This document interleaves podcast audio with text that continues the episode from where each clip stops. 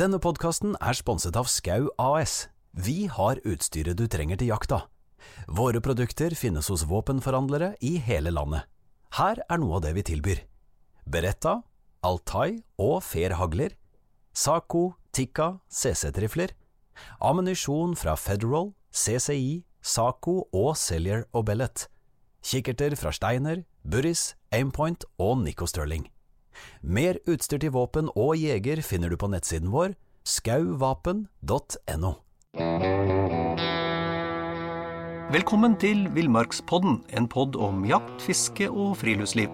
Jeg heter Knut Brevik og er redaktør i bladene Villmarksliv, Jakt og Alt om fiske. Og jeg heter Dag Kjelsås. Jeg var tidligere redaktør av de samme blader, og er som deg, Knut, interessert i det meste rundt friluftsliv og uteliv. I dag skal vi snakke med Jørund Lien. Han er den eneste i Norge som lever av å teste våpen og ammunisjon. Og han er trolig den eneste i Norge som verdens våpen- og ammunisjonsprodusenter gjerne ringer og spør til råds før de skal lage nye patroner eller våpen. Og han er en skytter som vi egentlig ikke trenger å konkurrere med, for han vinner alltid. Dette gleder jeg meg til. Jørund, mange kjenner deg fra bladet Jakt, fra ladeboka, hvor du har stått for alle testladningene i de to siste utgavene. Den store jegerprøveboka, og enda tidligere enn det fra bladet Våpenjournalen. Husker du når interessen for våpen ble vakt hos deg? Nei. Nei. Nei. Det Det kom vel automatisk i en familie med jegere og skyttere og gamle jakthistorier og bjørnejeger og ja. Og det er såpass og bjørnejeger òg, ja? Eh, Hvordan var det? Oldefaren min Jaha, var det. akkurat. Så Det- da var det mye våpen i huset? Ja, og det var det generelt eh, rundt på bygdene i etterkrigsåret. Så det var god tilgang på gammel sleppammunisjon og alt sånt. Ja. Har du noen anelse om hvor mange våpen du har testa opp gjennom åra? Ingen aning. Nei. For å spørre på en annen måte, hvor mange våpen har du liggende til test nå? Eh, to. Akkurat! ja. For sist jeg var her, så hadde du fem eller seks. Det stemmer, men eh, da er jeg sendt tilbake. Ja. Når du får inn eh, La oss, snakke litt om, om test, Jørund. Eh, Når du får inn et nytt våpen til test, si ei rifle, hva er arbeidsgangen i testen? Altså, Hvordan gjør du det rent praktisk fra våpenet kommer til du sender det fra deg igjen? Um, starter eh, som regel med å bare kjenne på avtrekk og, og alt om, om ting fungerer sånn som det skal. Ja. Og passe på å ikke forandre nok ting. Uh, ikke stramme skiftskruver, ikke bedde. Ingenting. For det skal testes som det er ut av pakka. Og så er det da normalt uh, montering av uh, montasje av kikkertsikte hvis det ikke de kommer. Og så er det pusavløp og i skjup. Nå får du bladet Villmarksliv rett hjem i postkassa i tre måneder for kun 99 kroner. I Villmarksliv kan du lese om norsk natur, ærlige tester av klær og utstyr, og mange gode turtips skrevet av erfarne friluftsfolk, fiskere og jegere. Send SMS VILL36 til 2205 og motta bladet allerede neste uke. Lev livet villere med bladet Villmarksliv. There's never been a faster or easier way to start your weight loss journey than with PlushCare. PlushCare accepts most insurance plans and gives you online access to board-certified physicians who can prescribe FDA-approved weight loss medications like Wigovi and Zepbound for those who qualify. Take charge of your health and speak with a board-certified physician about a weight loss plan that's right for you. Get started today at plushcare.com slash weight loss. That's plushcare.com slash weight loss. plushcare.com slash weight loss.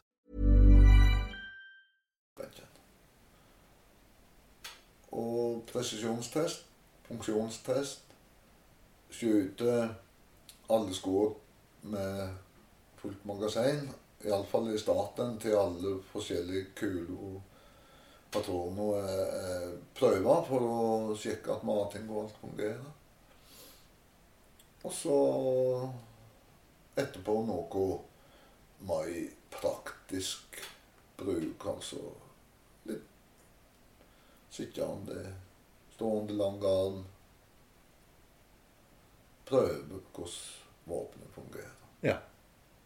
Og jeg veit også at du i den grad det er mulig, eh, prøver å ha med deg våpna på jakt under praktisk jakt. Ja, altså for all del hvis det er sesong og, som jeg har lånt, og, og hvis det er våpen Nå er det vel sant å si ikke alt av testvåpen som man kan gidde å ta med på egen jakt. Nei. Nei. Eh, Men eh, om, om det passer så, så ja. Og holdt jeg på å si, i forhold til, eh, i forhold til presisjon Du nevnte presisjonstesting. Hva, hvor mange, mange skudd skyter du før du sånn jevnt over er fornøyd med resultatet og kan si noe bestemt om presisjon i akkurat det våpenet? Andelen så var jeg ikke fornøyd med resultatet. Nei. Og det får ikke den presisjonen som jeg eh, helst vil ha. Men uh, vi er fornøyd med resultatet, altså mener du presisjonsmessig som jaktrifle med jaktammunisjon. Uh, reelt sett så er fem skudd innenfor fem centimeter på 100 meter det er tilstrekkelig i forhold til både den presisjonen gjennomsnittsjegeren kan klare å prestere, og til det som er nødvendig på norsk storviltjakt. Men eh, jeg vil helst ha Altså eh, til bet presisjon til BT, og, og kanskje vel så viktig at, eh, at forskjellige patroner har lekt treffpunkt. Og, og enda mer viktig er at rifla har lekt treffpunkt fra dag til dag, fra uke til uke, fra måned til måned og fra år til år. Ja. Det er ikke alle som klarer. Nei. Og da snakker vi, for at du skal være fornøyd med presisjonen, så snakker vi mm, åpenbart bedre enn 5 cm. Ja, jeg mener at eh, for at da jaktrifle i toppklassen, den bør prestere fem skudd på 30 mm eller bedre med ammunisjon som normalt gir god presisjon. Altså type Normorix for taket i Som normalt er presis. Ja. Og, og det, med, det med presisjon, tenker jeg, Jørund, det er vel ikke bare en, en sånn millimeterting heller? Um, fordi skyting det er jo litt, har noe med selvtillit å gjøre. Masse. Og alle uh, skyter bedre på jakt med av våpen som de stoler på, som de veit at de treffer godt med, eller med arifle som de er usikre på. Altså, usikkerhet er nok uh, storviltjegerens verste fiende. I, I alle fall uh, hvis at uh, han ikke klarer å la være med å trekke av. Ja, det er mye psykologi knytta til våpen og god funksjonering og presise våpen. Ja, altså presjon som er omtrent unyttelig eller unødvendig på storviltjakt, den kan føre til at han skyter et skudd. Bare av at han vet at det her bare fungerer. Ok. ehm, presisjon viktig. Eh, funksjonering har du, har du vært inne på. Eh, praktisk bruk. Hva er det du legger mest vekt på når du gir skussmål eller setter en karakter på et våpen? Det er klart at på rifle så er presisjonen en, en stor del av det, for det er så enkelt å tallfeste. Det er så Det er i grunnen altfor enkelt å sammenlegne. Um, ideelt sett så har han burde teste rifle over lengre tid, for å se at det holder samme treffpunkt. Og så noe, men det er ikke praktisk mulig, for testvåpen må leveres tilbake. Og ja, mye må testes. Eh, Men det er klart at presisjon, funksjon og at eh, noe diffust føles praktisk og fornuftig å bruke.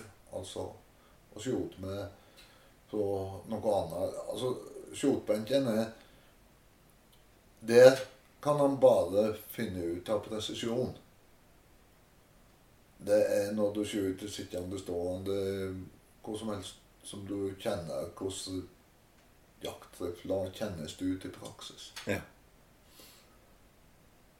Og så er det det litt, eh, litt fortvilende, er det ikke det at eh, alle løp er individuelle, sånn at eh, ett våpen du har som skyter fremragende, kanskje 15-20 millimeter, ikke, altså neste våpen trenger ikke nødvendigvis å være så presist. Nei da, og nå taler du nødvendigvis om våpen av samme merke og samme kaliber og samme modell og alt i hop. Nettopp. Nei, og det er helt fakta. Og, og for å være noe upladisk og generell, så er det nok så at uh, variasjonene er større i, billige eller kostbare våpen. Akkurat. Uh, dyre europeiske våpen har en tendens til at ja, det kan være litt forskjellig presisjon, men det er ingen som er upresise. Det er i grunnen ingen dårlige. Det er i grunnen bare gode og veldig gode. Ok.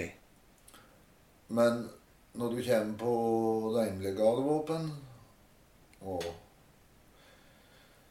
på nytt kanskje noe ufladisk generelt, billige amerikanske våpen, så er variasjonene atskillig større. Ja, akkurat.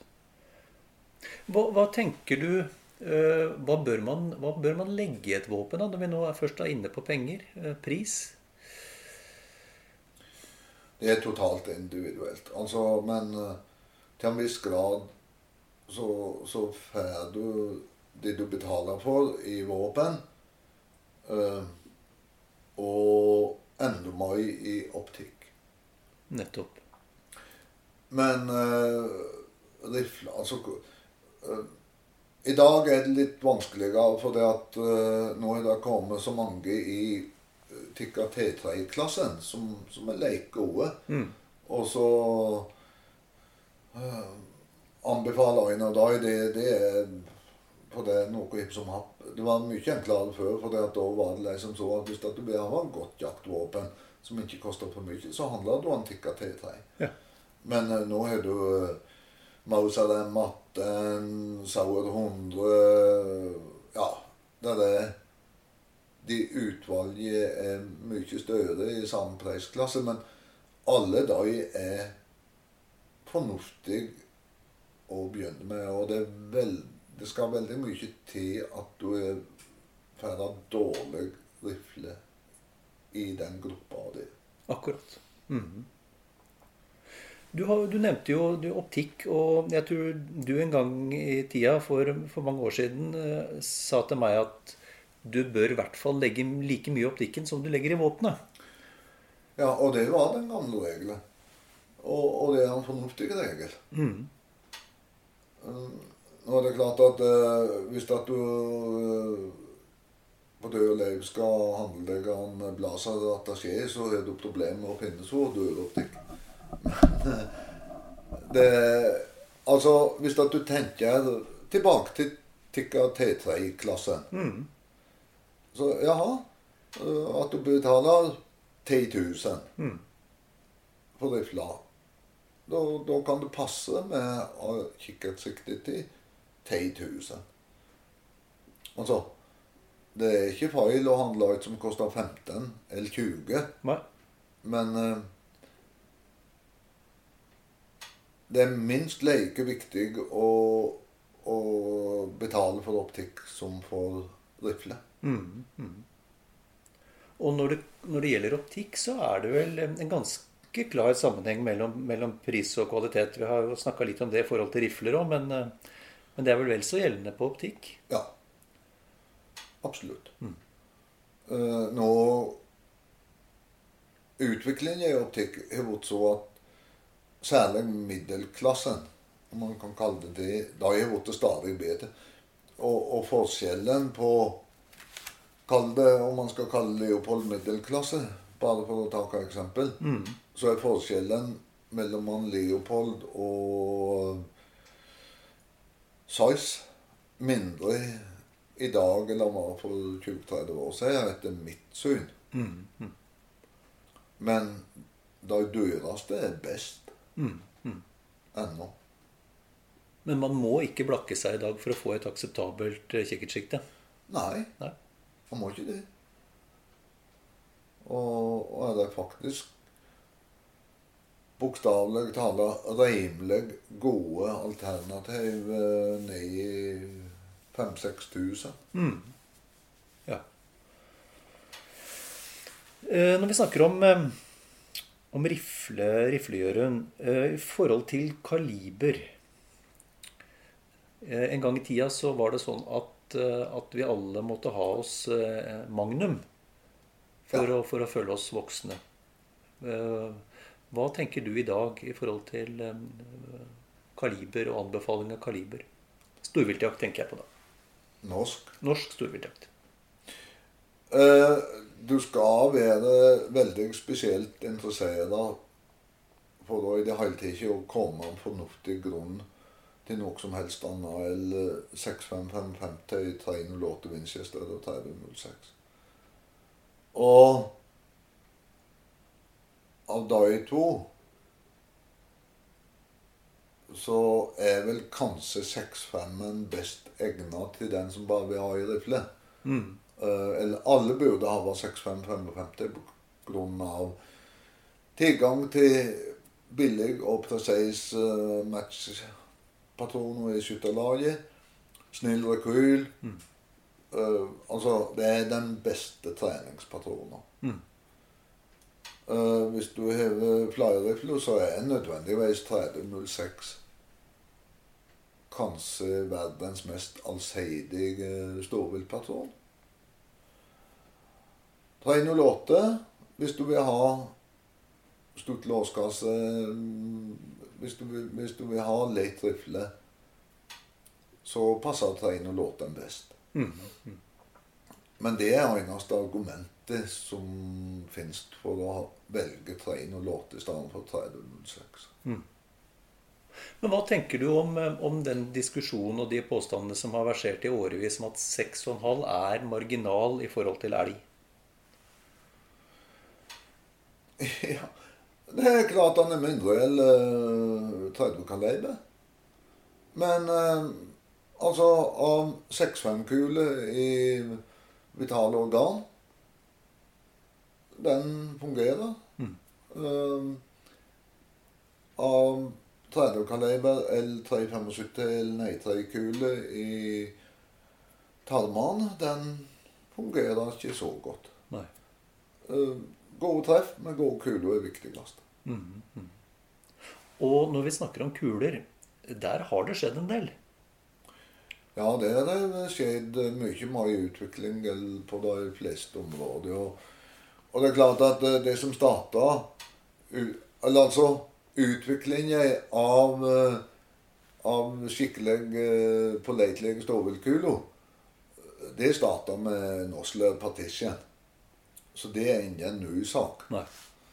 Den er ja 70 år, 70 år gammel. Ja. Og leker hun i dag som man alltid til vår. Men den store utviklingen kom på 80-tallet med uh, lodda kula.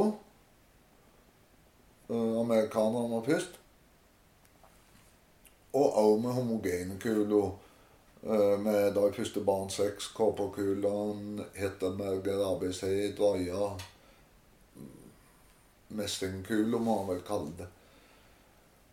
Og så, når de små spesialfirmaene begynte å få altfor mye oppmerksomhet, så måtte de store produsentene komme med seg utgave av premiumkule. Ja.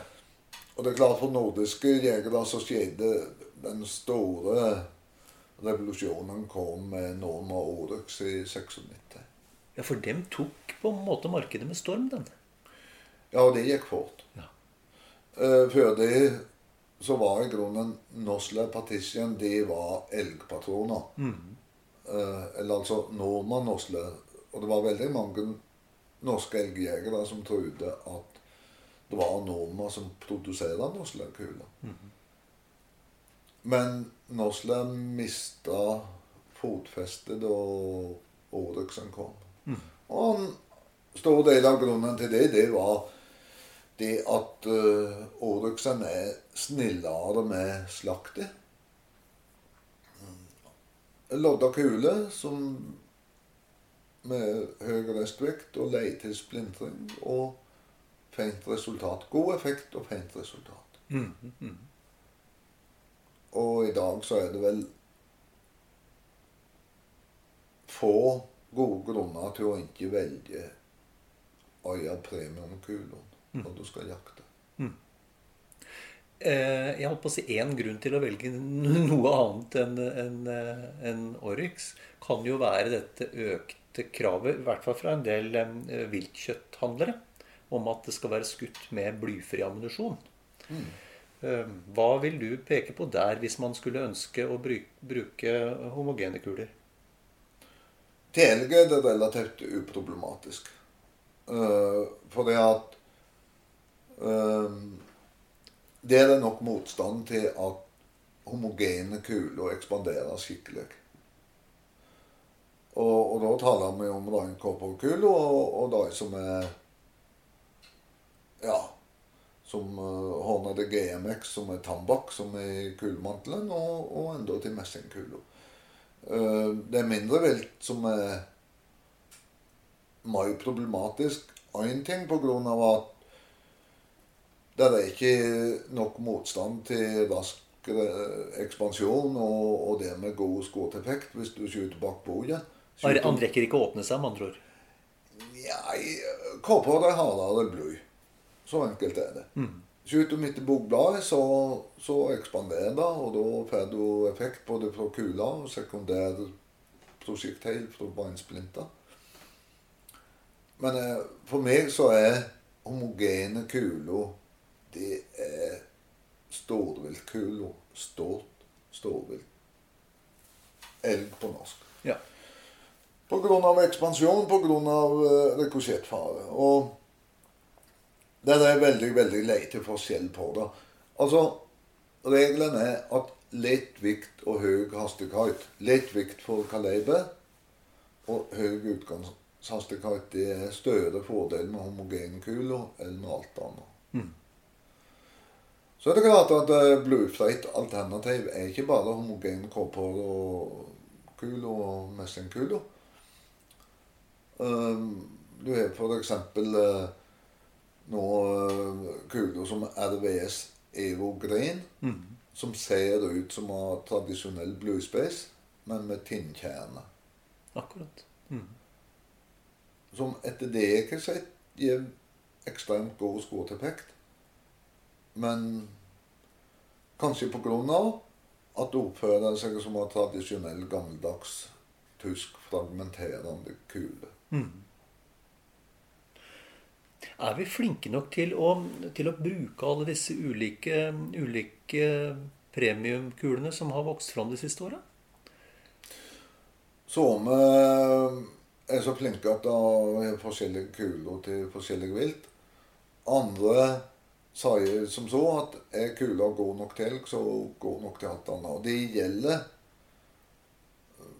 alle premiumkuler med bluespace, men jeg mener ikke at homogene kuler er ideelt til rådyr og reinsdyrjakt. På grunn av Mm. mest. Og så har disse nye kulene også fått en, en, annen, eh, en annen effekt, Jørund. Eh, Dette med våpenforskriften. eh, og de moderne kulene. Eh, Det har du eh, hatt noen tanker om, spesielt i forhold til 6,5. Ja, da tenker jeg at jaktlov er jo minste kulvikt og minste anslagsenergi. Ja. Ja. Eh, 6-5-en er klart at det er en særstilling der. På det man kan godt si at eh, 140 grein, eh, eller 139 gram, som minst lovlig kulevikt, det er omtrent upraktisk i alt fra 30 kaliber og nedover. Men spesielt i 6-5. Og det er av at av 140 greins kule eh, Hvis at den skal ha noenlunde god ballistisk form for å klare kravet, så var den så lang at den ikke vil stabilisere i vanlig 6-5-55 løp og hastighet. Mm. Du må ned i For å få presjon og stabilitet, så må du ned i 130 grein. Kanskje enda lenger ned. Og, og da er det ikke lovligst overkule. Og det er om 120 grein Barns TT6, 120 grein Honda det GMX er minst like god, eller i realiteten atskillig mye bedre, uh, elgkule f.eks. Eller billige 10,1 gram og nei, særlig nei gram vanlig Blue Space med tom mantel som ikke er lodda. Det er mye dårligere stålviltkule i 6,5. Det som burde ha vært gjort, det var det å så omforme hele kravet til kulevikt og, og anslagsenergi. Og så som så at minste lovlige kaliber, eh, det er 6,5. Uh, minste lovlige kulevikt på Blue Space-kula er 9 gram. Minste lovlige kulevikt for homogene kåper og messingkuler, det er 7,8 gram. Minste anslagsenergi for alt 2200 hjul. Så her har vi rett og slett eh, forskrifter og et lovverk som ikke har tatt opp i seg den, den utviklinga vi har sett på kulefronten de siste 30 åra. Det er 30 år forelda. Ja. På samme måte som at det, det stender Hallspace-kula er lovlig jaktkula. Altså er det etter lovens bokstav så er det fakt... Dette der kan diskuteres, men det, det er faktisk lov å jakte ståvilt med matchkula, Hallspace-kula, som er bitte tung mantel og inni en form for å kontrollere ekspansjon i det hele tatt. Men det er Hallspace. Eh, det burde være forskjell på Hallspace jaktkule og matchkule. Eh, eller for å si det på en annen måte, så kunne omtrent Hallspace-kulen uh, fjernes, for det er omtrent bare skjærer som Nei, det fins Hallspace-kuler ennå, men det her er etterlevning fra da Norma laga noe utmerka 196 grein Hallspace-kula i 857 JS moderat og 857 JS. Akkurat. akkurat. Nå prata vi oss helt bort. Vi, vi begynte på testing, vi, Jørund. Ja. Vi, vi spoler tilbake litt til testing. Um, Da tenker jeg hagle. Hva legger du vekt på? Hvordan er gangen i, i, i test av haglevåpen? Til en viss grad som rifle, men nødvendigvis ikke eh, med vikt på presisjon annet enn at vikt på at haglsvermen treffer der bøsseløpet peker, eller kunne peker, og, og at hvis det er dobbeltløype, at eh, både to seter skal til rimelig på samme plass. Og at haglfordelingen er fornuftig med anerkjente, gode patroner. Dekninga, rett og slett? Dekninger. Og nødvendigvis da funksjon. At alt virker. Uh, ingen klikk. Ingen punkterer tennhetta pga. speiset tennstift. Ja. Mm. Det skal Alt skal være normalt. Kjorteegenskaper? Ja. Prøver. Men det er såpass individuelt fra person til person, så det som passer meg, det passer ikke deg. Kanskje av den enkle grunn av at du er skjutlings. Det er en viktig grunn. Men, eh, men altså, det er veldig vanskelig å, å være helt kategorisk i at dette her er hagle som passer perfekt til jakt, og dette passer ikke til jakt. Rent bortsett fra vekt og lengde og så noe ting. Det blir mer en sånn følelsessak, blir det ikke det? Men liksom subjektivt. Hvordan det føles, kjennes. Hagle mye mer enn rifle. Ja. For det om både deler, så, så er det en veldig viktig del av det. At det kjennes godt ut. Problemet er at de fleste har ikke anledning til å finne ut av det eller å, å kjenne på det i butikken. Nei. Og det er vel òg en grunn til at uh, tommelhullskiftet på et eller annet mystisk racer kom tilbake som veldig populært. På rifle. For det at folk kjenner på det i butikken. Og dette her ja, får et godt grep. Mm. Så I forhold til hagle og, og, og begrepet balanse, så, så eksisterer det jo nå sånn gamle tommelfingerregler. Men, men går det an å si noe konkret om hvordan man kan vurdere et våpens balanse? Finnes det noen praktiske råd der, når du står i butikken og ikke har anledning til å ta med deg våpenet på banen og prøve først? Det mest ærlige svaret er vel nei. Mm. det er klart med det gamle med balanse på hengselbolten?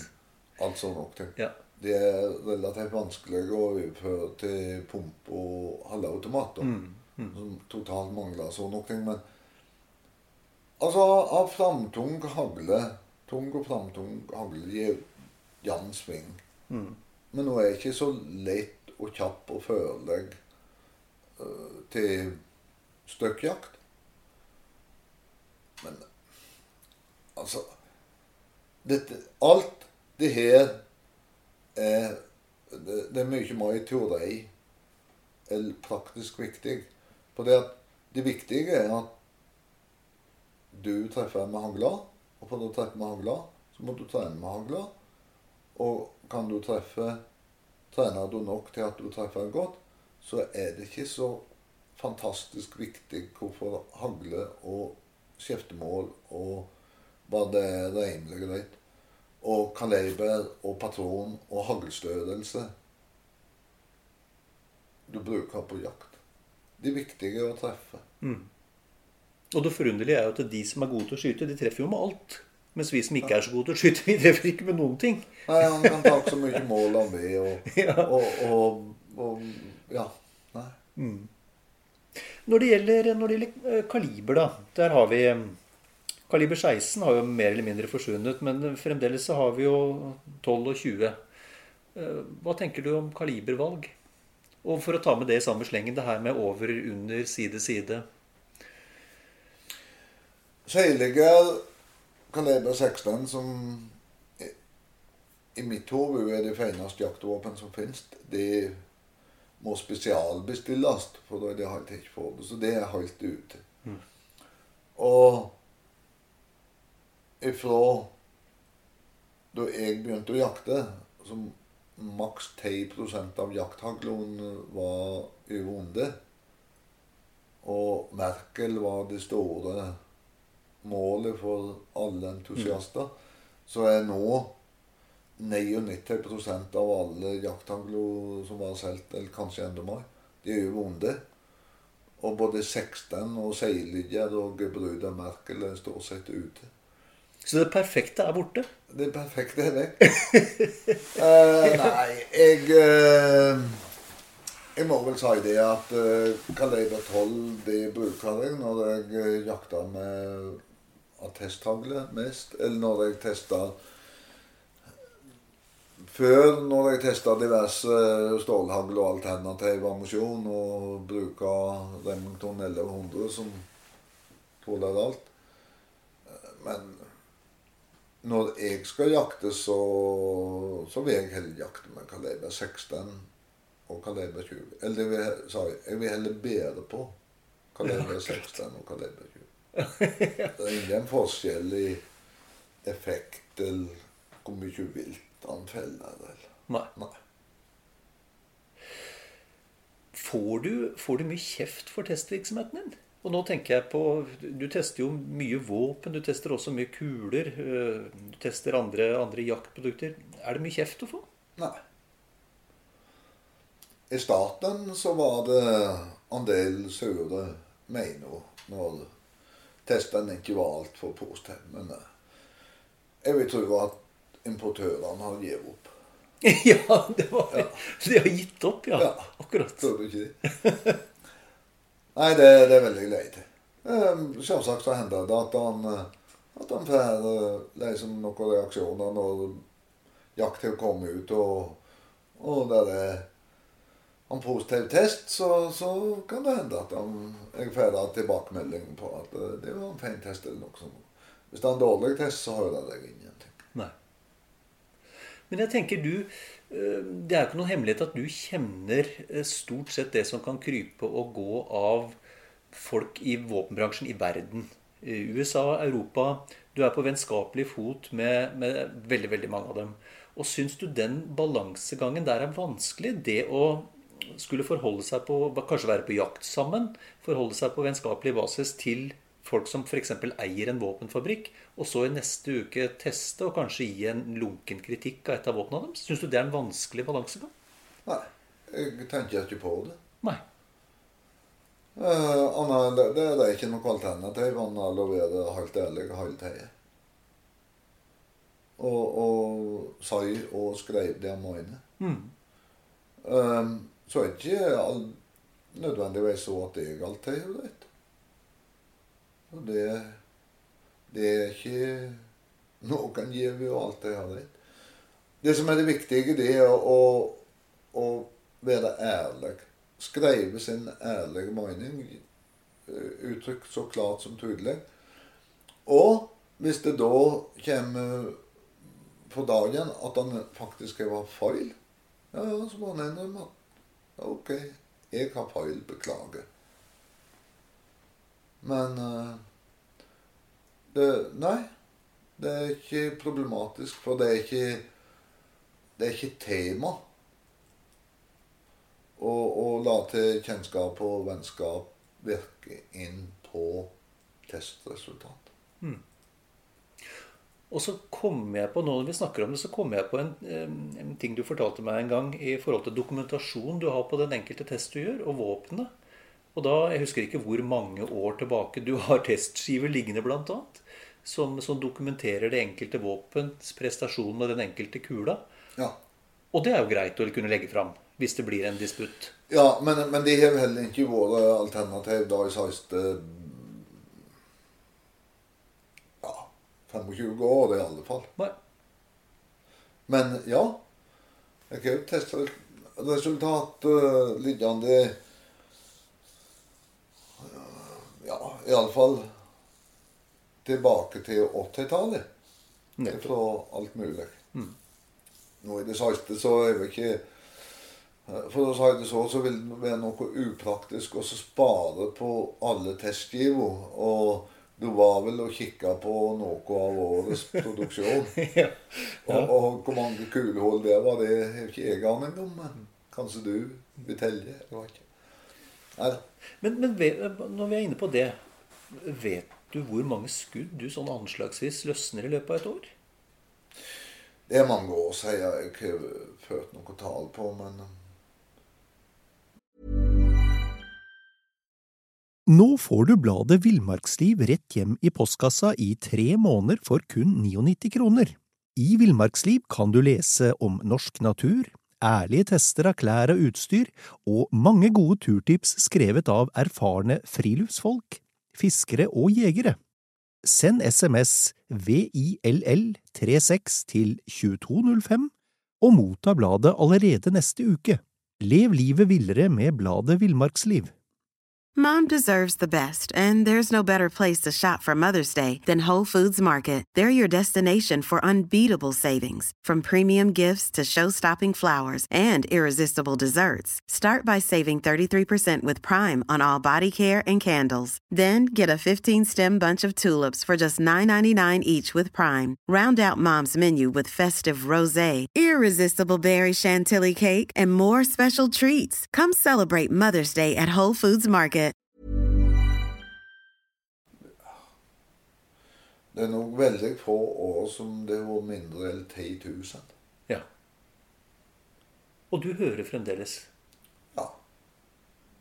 Og det her var jo et forsøk på å få til en veldig elegant overgang til, eh, til to ting, eller to produktgrupper som jeg vet du er veldig opptatt av. Og det er, eh, det er lyddempere, og det er hørselvern. ja. Jeg har vært veldig konsekvent i det at jeg ikke får ut av hørselvern. Eh, og man kan kalle det skotun. du kontrollerer forhold på kjørebanen i testing, så bruker jeg både ørepropper og øreklokker. Alltid. Og etterpå at aktiv elektronisk eh, hørselvern kom, så jeg bruker det konsekvent på jakt. Jeg skyter ikke på ruta. Og om jeg minnes riktig, så fikk jeg tak i de første Bilsom aktive aktiv hørselvern i 87. Mm, Så jeg bruker elektronisk hørselvern etterpå det. I begynnelsen så, så røk det stort sett i første ordentlige regnværsdag, men nå, nå er aktive hørselvern veldig gode. Lyddemper Jeg vil helst ikke bruke udempa rifle til test eller til jakt eller noe som helst. Stort sett det eneste som jeg skyter med udempa rifle, det er med banesauren. Mm. I DFS-konkurranse. For det har jo, dette med lyddemperøren har jo vært eh, et fantastisk eventyr, får man si, for oss som er norske. Med, Ja. med, med, med Hausken og, Atex som de to store dominerende Ja. aktørene som har drevet utviklingen Ja, framover. Og norske jegere kan være lykkelige over det at de har hatt to så ja, gode produsenter som har konkurrert så grundig opp gjennom året om å levere det beste produktet. Og vi ville ikke hatt så gode norske lyddempere hvis det bare var én. For da hadde det ikke vært nødvendig å konkurrere så hardt om å ha den beste. Nei. Den letteste, den mest effektive. Og den konkurransen og den kompetansen disse gutta imellom, det har spart mye hørsel. Det er iallfall ingen tvil. Og nordmennene er har verdensrekord, eller norske jegere har verdensrekord i lyddemperbruk. Det er ingen land i verden der så stor prosent av jegerne har demperrifle. Og si, si litt om eh, holdt jeg på å si, både, både fordeler og ulemper med lyddemperen, eh, Jørund. Noe forenkla så kan man si det at bortsett fra ulemper med litt ekstra vekt, litt ekstra lengde, litt ekstra kostnad og risikoen for rust i løpet, hvis du ikke gjør det du skal, så er det ikke ulemper med lyddemper. Nei. Nødvendigvis, hvis du skyter mange skudd på banen, så får du ball med flimmer. Og skyter du altfor mange, så kan du ødelegge demperen og sånne ting. Men dagens dempere er såpass lette og effektive at det er ikke nødvendig å kappe løpet så mye for å, å ha rimelig hendig rifler lenger. Og, og det sparer hørselen til jegeren. Det sparer hørselen til hunden. Kanskje spesielt i ettersøkssituasjoner og, og. Det er viktig. Det er fordel for jegerne er det at viltet er ikke så lett for å observere hvor smellen kommer fra.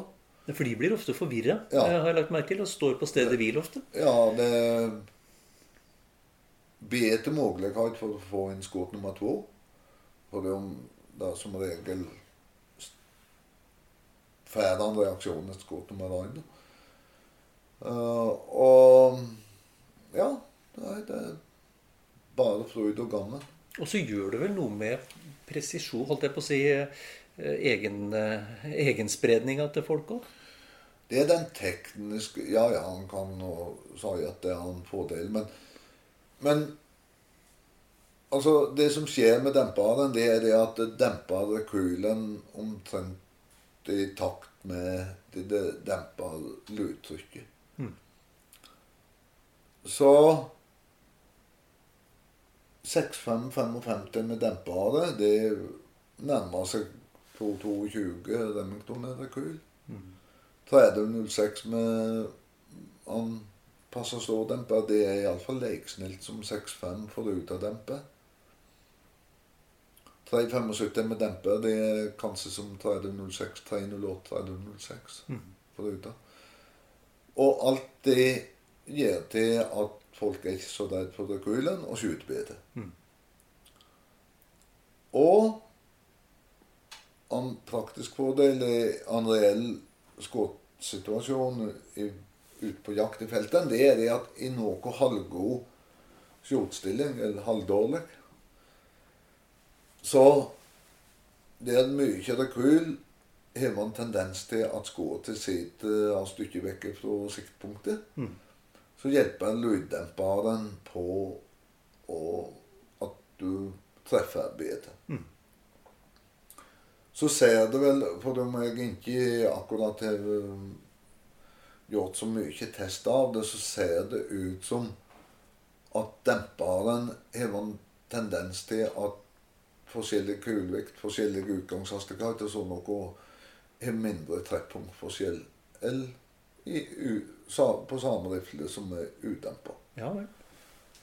Eh, ei vanlig forekommende ting som er en ulempe hvis den ikke vet om det, det er at omtrent alt av rifla har forskjellige trekkpunkt med og uten dempe. Så det, men det må han bare prøve. Jørund, jeg har kjent deg i 30 år nå rundt regna og har fremdeles ikke sett deg sint. Kan du bli sint? Ja. Jeg kan det. Det tror jeg du òg kan. Du, jeg er ikke heller sett deg sinna. Derfor jeg, jeg, jeg tenker på en episode du nevnte for meg eh, for noen år siden, hvor du opplevde under storviltjakt i Norge å bli betrakta gjennom et kikkertsikte. Ja, da Da kan vedkommende være glad for at det var på 300-400 meters avstand. Akkurat. For han hadde ikke med seg håndkikkert, men skulle se hva som kom gående, så han Ja. kikka på deg gjennom kikkertsiktet. Ja. Da ble Lien sint. ja. Akkurat. Og da kommer vi også til, til, til dette lille sikkerhetspoenget, Jørund. Det med å alltid ha med seg en, alltid ha med seg en håndkikkert på jakt. Ja, hvis at uh, jeg har kunnet bestemt uh, jaktloven eller vært eneveldige herskere, så burde det ha vært påbudt å ha håndkikkert rundt halsen når du er på riflejakt. Helst all jakt. Alle som jakter med rifle, burde ha håndkikkerten klar til bruk. Og bruke den. Ja. Og ikke bruke kikkertsiktet til observasjonssikkert. Kikkertsikte er sikte, Nettopp. ikke kikkert. Jørund, du, du har jo i levende live oppnådd det vi kan kalle en slags gurustatus. Status. Men, men jeg lurer på Har du noen du ser opp til faglig nå? Eller som du så opp til da du selv var en liten rekruttpatron for 50 år siden? Ikke så mye for 50 år siden, men etter hvert Altså Av det som jeg kan lese, så er det klart at Nils Kvale eh, Nordmannen i, nordmannen i Norma. Nordmannen i Norma. Ja.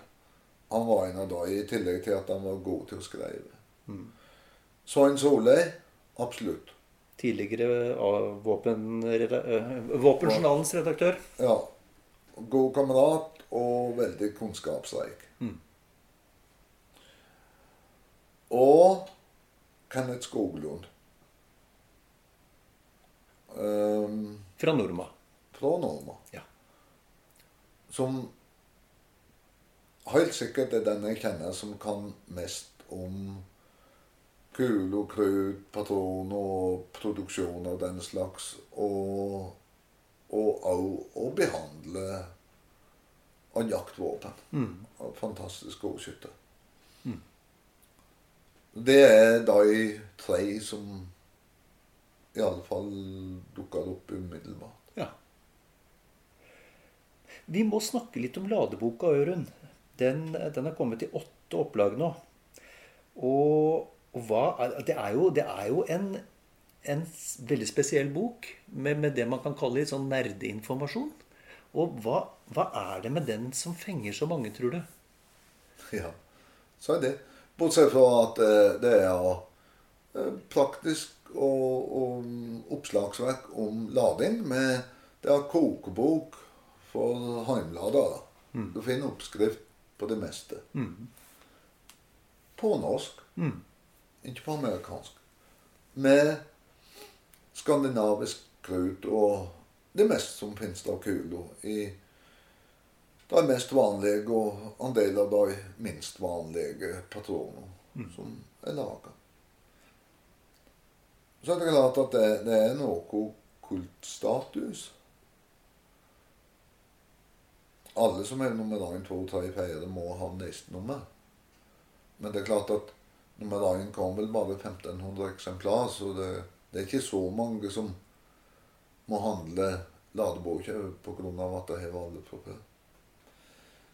Nei, det må vel være Kanskje det er av det som er å finne på sidene før ladedata er begynt. Den innføringen jeg i lading av riflepatroner, revolver, pistolpatroner. På ladeinnføringen i den norske ladeboka, den den er B til alt annet av ladebøker. Laddata er ikke noe bedre. Laddata er laddata. Men du kan ikke lade til høyere hastighet om du bruker ladeboken, eller om du bruker Horna diesel Nostlas ladebok. Men, men jeg tenker også vi er ganske lite land. Vi har drøyt fem millioner innbyggere. Og, og, og den, den oppmerksomheten vi, vi jo legger merke til fra jegere og skyttere og hjemmeladere, er jo altså den, den, den har en ganske viktig rolle, denne ladeboka. Og, og det må jo være et uttrykk for at det er mye våpen, en stor grad av lade- og våpeninteresse i Norge. På det som var eh, folk i våpenbransjen sier, det er det at eh, den høyeste prosenten av jegere med lyddemper er her i landet, og den største prosenten av heimladere er her i landet. Akkurat. Det er nok ikke så veldig mye vanskeligere eller at heimlading er populært og relativt vanlig blant skyttere og jegere. Norske skyttere og jegere. Og når vi snakker om ladeboka, Jørund, så må vi nesten forklare hvorfor vi gjennom alle år med, med bestemthet og styrke har motstått krav om å oppgi ladninger for haglammunisjon. Ja, for det, det, det er omtrent på samme måte som, som med rifle- og hagletesting. hagle er så mye mer diffust. Det er så mye vanskeligere å, å måle trykk. Det skal så små forandringer til for at det hever store prosentvis utslag. Og hagla tåler så mye mindre. Mm. Det, du kan komme unna med å gjøre blondra i ja, amerikansk halvautomat. Mm. Men ikke ja, lett og fein seilige med tunne kammerveggavløp. Nei. Det er rett og slett for usikkert. Ja, jeg vil ikke ha ansvaret for noe som helst. Nei. Forresten så er det minimalt å spare på å lade haglpatroner sammenlignet med riflepatroner. Mm. Eh, Det er enda vanskeligere å lage produkt som er bedre til de fabrikkene lader. Mm. Hagladning det er for spesielt interessert av de. Det kommer ikke vi til å ha noe av i ladeboka. Så enkelt kan vi vel si det. Det er helt sikkert. Blir det Det er en av de få ting som er helt sikre. ja, ja. Blir det noe niendeopplag av ladeboka da, Jørund? Ja, det kan du vel spørre redaktøren som sitter ved sudbordet. Eh, altså eh, Er det testa en hel del som begynner å være klart? Blant annet faktisk pistolkaliber som 30 luger og revolverkaliber. Ja, jo da. Da får vi vel si at eh, time will show. Så er det. Eh, Jørund, vi vi må snakke litt om jakt avslutningsvis. Du har jakta i hele verden, og du er jo en av få nordmenn som, som har skutt elefant. Og da har, Du har fortalt meg den historien, og proffjegeren du jakta med, hadde et spesielt råd til deg før du skulle skyte. Kan du fortelle litt om den jakta og det, det rådet? Ja det var problemelefant i Botswana. Og, og vi fant elefanten med av vasshår. Og vinden var så at vi kunne ikke komme inn på. Det var så aldeles helt tett. Eh, akkurat det, som var nok fuktighet rundt i vasshålet, at det nytta ikke å inn. Så vi måtte bare vente. Vi sto i, i 45 minutter før elefanten begynte å bevege seg og tilfeldigvis kom ut uh, mot der vi var. Og da sa jeg uh, en Proffjeger eh, Stilt og forsiktig. Nothing fancy. Go for the heart long area. Og det er klart at alle som vil lese om afrikajakt, så er det det å se elefant i hodet med høymantel, det er liksom det som er Fancy. det ultimate. og elefanten kom lenger og lenger ut. Og til slutt så var han så at um, bogen, om man kan si det så, var klar. Og jeg skjøt to kjappe 375-skudd mot hjerte-lunge-regionen. Og kule, det var eh, Det var 300 greiner halvmantel. Ja. Og dermed så kommer elefanten i full fart rett mot. Um, ikke fordi at han ville angripe, for jeg tror ikke han så eh, hvor vi var, eller skjønner noe som helst, men han bare ville vekk. Men eh, jeg var ikke at eh, det tanken får gjennom hodet. Nå kan jeg skjorte han i panna. Jeg, det gjorde jeg. Men da tretnet jeg. Og, og de orda 'nothing fancy', 'keep it simple', 'det enkle er ofte det beste', er, er det en slags grei oppsummering av jakt, våpen, ammunisjon eh, i Jørund Liens eh, verden? Veldig. Veldig. Med rifle så skaffet jeg av god boltrifle, og med godt sikte og av god patron. Og bruk det. Og skaff deg så mye treningsammunisjon som du kan, og bruk opp den. Og så bruker du jaktammunisjonen litt på 100 meter, 200 meter, 150, 250 på alle tenkelige og utenkelige hold for å se hvor du og rifla treffer ifra alle mulige jaktstillinger. Mm. Akkurat de er ikke så enkelt, men utstyret det enkelt for det at det viktigste er å treffe. Og treffer du godt med god nok kule, så fungerer det uansett sikte, rifle, skjotstilling. Så så sett så er det Han kan godt si at han skal bruke minst like mye på optikk som på rifle. Men eh, faktisk det viktigste å bruke penning på, det er treningsammunisjon. Å trene. Og hvis vi i tillegg husker hørselvern, lyddemper eller propper, så er vi vel langt på vei framme. Det, da, da er det veldig bra, men, men det er så opplagt at det tenkte jeg ikke på. Takk for praten, Jørund. Kort og godt, når du går gjennom isen. Dag, nå skal vi snakke om et litt eh, viktig, viktig punkt. Og det er eh, hvis du er så uheldig at du går gjennom isen. Ja, det, det, det kan stå om liv, for å Ja. si det enkelt. Og vær forberedt på det når du er ute, særlig tidlig på vinteren, og også i vårløsninga. Mhm. Bare for å ta isen med en gang. Hva, hva regner vi som sånn cirka trygg is i forhold til tykkelse? Ja, de, sier at 3-4 cm er greit hvis det er ordentlig stålis. Men, men jeg tenker at gjør en kontroll. Ha med deg enten en, en skikkelig staur eller stake eller en pigg som du hakker i isen og ser om den tåler harde dunk. For hvis den gjør det, så kan du gå. Men du dunker ikke bare når du går ut på isen da, du dunker også flere ganger underveis, for plutselig kan det være tynnere is lenger ute. Nettopp. Og på hvilke områder finner vi erfaringsmessig tynn is? Det er selvfølgelig der elver og bekker renner ut og inn, men det kan også være på odder og nes hvor det er strømning i vannet. Og det kan noen ganger faktisk være sånn at isen fryser i vikene og rundt om, og så blåser det sånn at vannet er åpent lenge midt utpå. Og så kommer du midt utpå vannet, er det mye tynnere is enn det var ved land.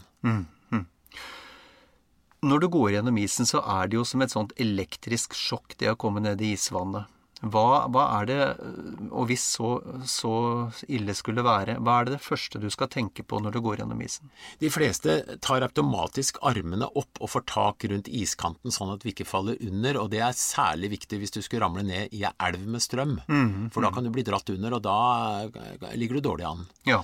Så øh, å holde seg oppe og ikke bli våt over hodet, det, det er en fordel. Og så første tanke da bør være har jeg ispigger? Huska jeg på å ta på ispiggene? Og hva er ispigger, Dag? Ispigger, det er eh, Kall det en syl, nærmest, med et skaft, hvor du, hvor du hogger deg fast i isen og drar deg opp. Og dem skal du ha to av i en snor. Ja, det er en til hver hånd, ganske enkelt, og det henger vanligvis rundt halsen og ganske høyt på kroppen, sånn at du lett får tak i dem når du ligger nedi vannet med resten av kroppen. Og la oss, la oss ta det med en gang. Det bør ingen ferdes på isen uten.